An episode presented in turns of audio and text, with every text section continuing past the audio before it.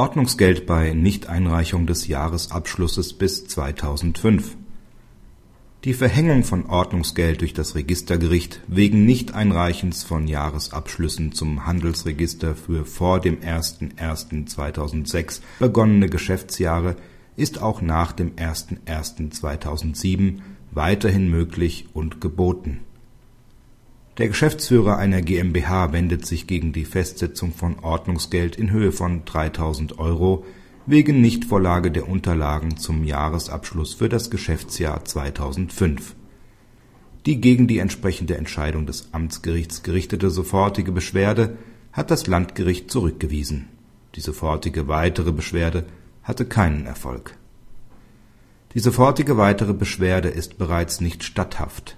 Der angefochtene Beschluss des Landgerichts ist gemäß § 335a HGB in Verbindung mit § 140a FGG ergangen.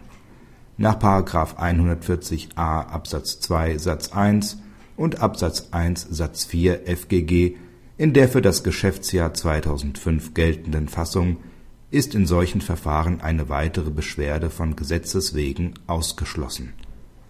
Die Aufhebung von § 335a HGB, § 140a FGG durch das EHUG mit Wirkung vom 01.01.2007 steht der Anwendung dieser Vorschriften auf den hier verfahrensgegenständlichen Jahresabschluss 2005 nicht entgegen.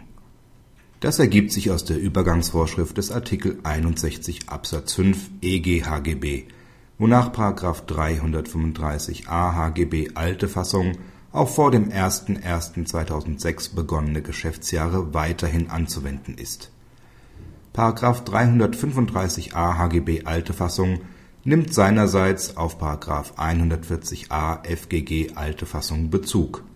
Durch diese Verklammerung mit der Verfahrensvorschrift des FGG nimmt auch letztere an der übergangsweise fortgeltenden Anwendbarkeit teil, weil sich auch das aus den Gesetzesmaterialien ergibt. Ein gegenteiliges Verständnis der gesetzlichen Regelung würde auch gegen Europarecht verstoßen, da dann die Nichteinreichung von Jahresabschlüssen für vor dem 01.01.2006 begonnene Geschäftsjahre völlig sanktionslos gestellt wäre. Praxishinweis Da die Übergangsvorschrift des Artikel 61 Absatz 5 EG-HGB die Fortgeltung der Verfahrensvorschrift des § 140a FGG alte Fassung für Altfälle nicht ausdrücklich vorschreibt, haben einige Instanzgerichte angenommen, dass diese Vorschrift für Ordnungsgeldverfahren seit dem 01.01.2007 nicht mehr anwendbar ist, auch wenn sich die entsprechenden Verfahren auf Geschäftsjahre beziehen, die vor dem 01.01.2006 begonnen haben und für die also die neuen Publizitätsregeln des EHUG noch nicht gelten. Angesichts der vom Gesetzgeber mit dem EHUG verfolgten Ziele, namentlich die Sanktionierung von Verstößen gegen Offenlegungspflichten effizienter zu gestalten, erschien es in der Tat widersinnig, wenn bestimmte Verstöße aus früheren Jahren durch die Streichung des § 140 FGG alte Fassung nunmehr völlig sanktionslos gestellt wären. Das OLG München hat daher eine wertungsmäßig stimmige, wenn auch angesichts der redaktionell unausgereiften gesetzlichen Regelung des Artikel 61 Absatz 5 EG HGB keinesfalls zwingende Lösung gefunden